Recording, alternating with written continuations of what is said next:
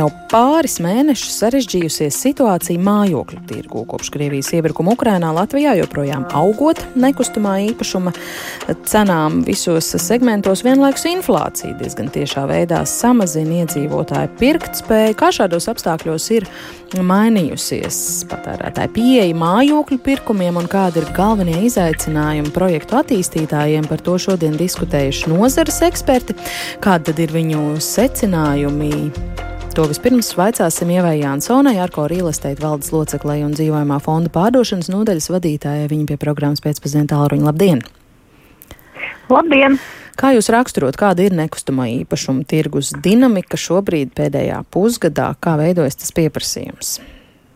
Ja mēs vērojam dinamiku, tad salīdzinot varbūt ar iepriekšējā gada periodu, tiešām aktivitāte bija būtiski augusi, īpaši vērtējot jauno projektu iegādi. Uh, jā, redzam, ka pirmajā ceturksnī tie dati salīdzinājumā pret iepriekšējo periodu ir bijuši labāki. Rezultāti dzīvokļi ir pirkumi ir pa 13% vairāk bijuši, bet, ja skatāmies tagad nedaudz pēdējos, pēdējo periodu, divu mēnešu, trīs, ja, ka tomēr, tomēr uh, ir drusciņi mainījusies, jā, klientu uzvedība un līdz ar to arī pieprasījums, jā, varbūt, teiksim, tāds nogaidošs, uh, ņemot vērā šos neskaidros apstākļus, kuros visos mēs dzīvojam saistībā ar izmaksām un, uh, un dārdzību, kas plānojās tuvākajā mm. laikā. Populārāk tad no jūsu teiktā noprotu jaunie projekti, nevis otrreizējais tirgus. Uh, jā, tāpēc, ka otraizējais tirgus ir plašāks jēdziens un uh, jebkurā gadījumā tas ir, tas ir aktuāls uh, kā viena no vajadzībām pastāvīgi, jā, bet vairāk varbūt jauno projektu nozarē mēs vairāk varam vērot šo straujo izmaiņu, ja, kas, kas ir saistīta ar šīm izmaksām. Mm. Un... Kā varētu raksturot kāds ir šobrīd pieprasītākais dzīvoklis un par kādām summām amplitūdā cilvēki šobrīd pērktos? Nu, atkal, varbūt jā, tieši atskatoties uz to, ka mēs šodien eh, diskutējām par jauno projektu uh, tirgu, ka populārākie dzīvokļi ir um, divi stabu, trīs stabu dzīvokļi, ja, kas, kas ir nu, vairāk jauno, jaunās ģimenes un, un mērķautori ir, ir šie cilvēki, jaunie speciālisti. Tad, un summas savukārt, par kā, par ko tiek izdarīti pirkumi, vispopulārākās, kādi pirkumi ir bijuši, ir robežās no 50 tūkstošu līdz, teiksim, 130 tūkstoši ir tie populārākie, kas ir visvairāk pirkumu veikti. Un kā var raksturot kādas cenu izmaiņas, tendences šobrīd, kāda tā prognoze? Cenas, eh, jā, cenas ir ļoti, ļoti būtiski pieaugušas tieši jauno projektu segmentā, pat neskatoties uz to, ka varbūt uh, šie projekti, kas šobrīd ir piedāvājumā rezervācijai, ir būvēti varbūt par iepriekšējo periodu izmaksām, ja, bet, nu, ņemot vērā, kad uh, un paredzot uh, nākotnes, nākotnes sadārdzinājumu, kas, kas vēl vēl solās būt uh, pieaugošs. Jau šobrīd varam redzēt, ka pat ekonomiskās klases mājokļos jau tā cena ir tāda, ko vairs mēs īsti vairs nevaram nosaukt par ek ekonomisko segmentu. Mm. Mēģinot kaut ko prognozēt, jūs teikt, ka šis kāpums varētu turpināties strauji, ilgi? Uh, Tur tā lieta, ka jau minēja, ka ir tāda mazliet nenoteiktības apstākļi šobrīd. Uh, tai tuvākajā nākotnē varu teikt, ka, ka jā, ir noteikti viss paliks dārgāks, bet uh, kā būs tālākā, tālākā nākotnē, to, to mēs droši vien šobrīd īsti nevaram, nevaram paredzēt. Mm. Tas galvenais, tipiskais jaunais pircējs tad šobrīd ir tādi jaunie speciālisti. Uh, jaunās ģimenes vienmēr ir bijusi tieši jaunajos projektos uh, tā vadošā mērķa auditorija, bet jāņemot vērā, ka arī papildus jaunajām ģimenēm, arī jaunajiem speciālistiem ir būtisks atbalsts arī no, no valsts puses, jā, ar šo albumu programmu, uh, tad, tad arī tur ir pieaudzis pieprasījums šajā, šajā mērķa auditorijas daļā. Mhm. Vai mēs varam uh, uz nākotni raugoties arī mm, domāt par to, ka tāds kā nekustamo īpašumu burbulis varētu briest, vai arī tā inflācija un tomēr iedzīvotāju pirktspējas samazinājums to varētu nobremzēt? Mm, tādā izpratnē, kā vairāk kas ir pieredzējuši varbūt to iepriekšējo gadu bur burbuli, ja, noteikti nē, jo, jo mm, situācija ir mainījusies, jā, drīzāk varbūt, varbūt problēmas ar to, ka tā maksātspēja nevar tik strauji pieaugt, kā pieaug visas pārējās izmaksas.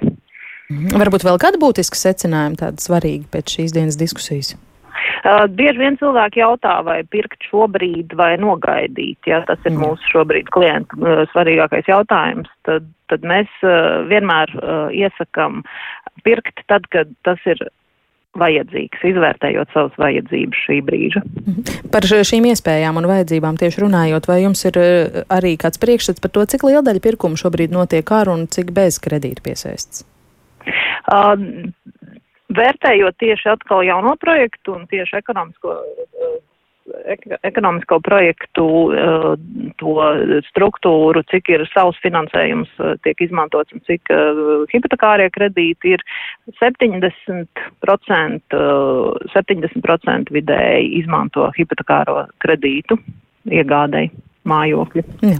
Paldies Sievai Jansonai, Arko Rīlestēt valdes loceklei un dzīvojumā fonda pārdošanas nodaļas vadītājai, arī bankas Citadela privātpersona apkalpošanas direkcijas vadītājs Jānis Mūrnieks kopā ar mums programmā pēcpusdienu. Labdien! Labdien! Ja es jūs lūgtu raksturot, cik liela tā interese par kredītiem nekustamā īpašuma pirkšanai šobrīd ir? Šobrīd es varbūt tām vairāk tā komentējot šī gada pirmo pusgadu. Un, uh, un tad, uh, jo viņš nav, nebija tāds um, vienāds, uh, gads sākās ļoti lielu aktivitāti, kas, kas bija sākusies principā jau pirms šī gada sākuma. Un tad, tad kad sākās karš Ukrainā, tad mēs pieredzējām kādas divas, trīs nedēļas no klienta puses tādu pauzi, pauzi, ieskaitot arī konsultācijās par hipotekāro kreditēšanu, jo noteikti nogaidīja, lai saprastu, kas notiek.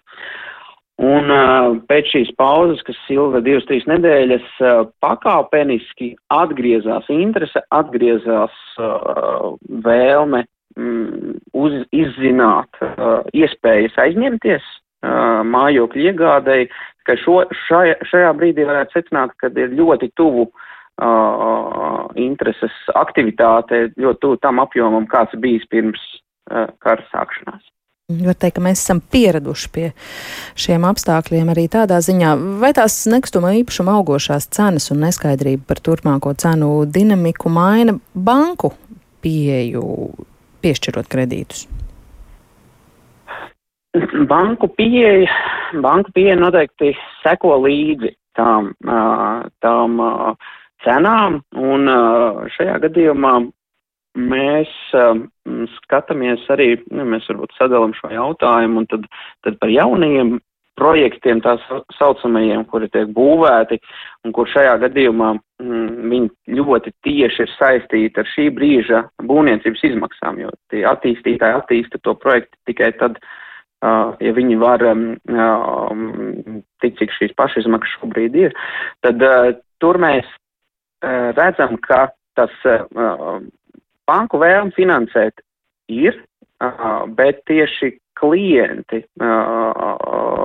ir gatavi nedaudz iepauzēt ar pirkumu šajos dēļ tās pieaugušās cenas. Mēs arī kā citdēļ veicām aptauju, kā mainīs varbūt iegādes pieeja šī cenas izmaiņa.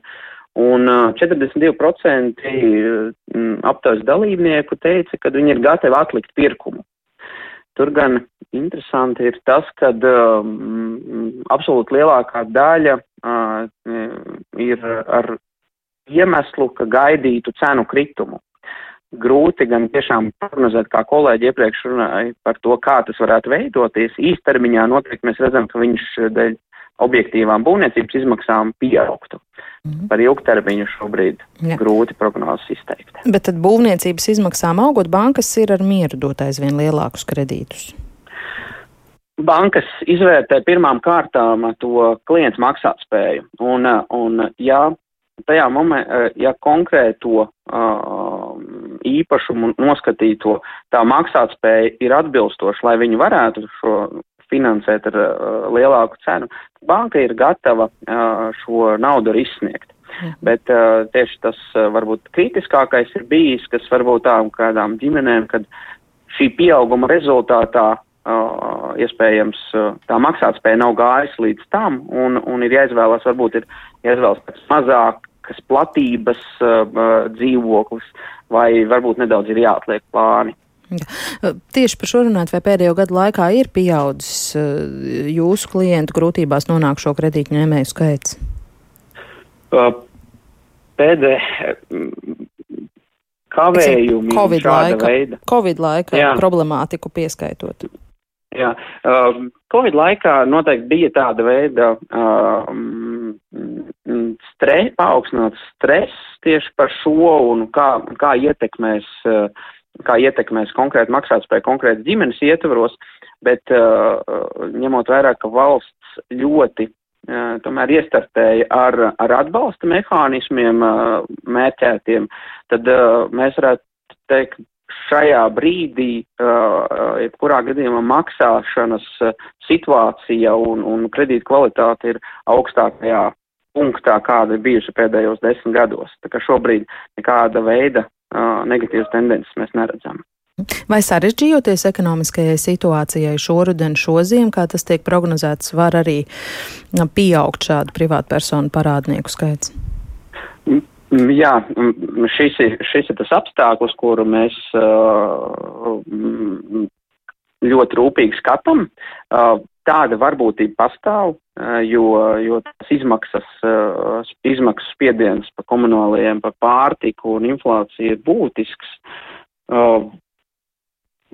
vai tas būtiski vēl ietekmēs, grūti prognozēt, bet ko, kas ir svarīgi, ir šajā gadījumā bankas noteikti ir ekonomikas sastāvdaļa un viņas noteikti atbalstīs tajā momentā. Tā kā, tā kā, ja šādas situācijas saskarās, es aicinātu jebkuru bankas klientu arī tajā momentā sazināties ar savu banku un izrunāt tās konkrētās iespējas, jo ir, ir vienmēr risinājumi šādām situācijām. Mm.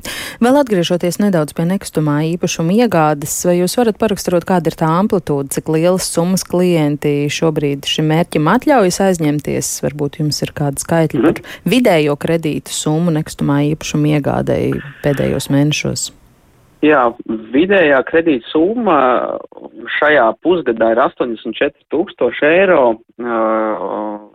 un jaunajos projektos mēs redzam, ka tā vidējā kredīta summa ir aptuveni 100 tūkstoši eiro. Un te gan ir mm, jāsaka, ka šī jaunajos tieši projektos šī 100 tūkstoši ir tāds atspūgs par gadu vecu uh, informāciju, kas ir gadu atpakaļ bijusi, jo tie projekti uh, tie, lē, tie līgumi un tās cenas ir uh, pagājušā gada sākuma cenas, kas tiek uzbūvētas un pabeigtas šobrīd. Uh, tā kā tā tendence būs, ka varētu būt uh, pieaugums, ko mēs redzam jaunajos līgumos, pa kādiem 20, 25% prognozi ir. Lūk, paldies arī Bankas Citadela privātpersonu apkalpošanas direkcijas vadītājiem Jārnim Mūrniekam.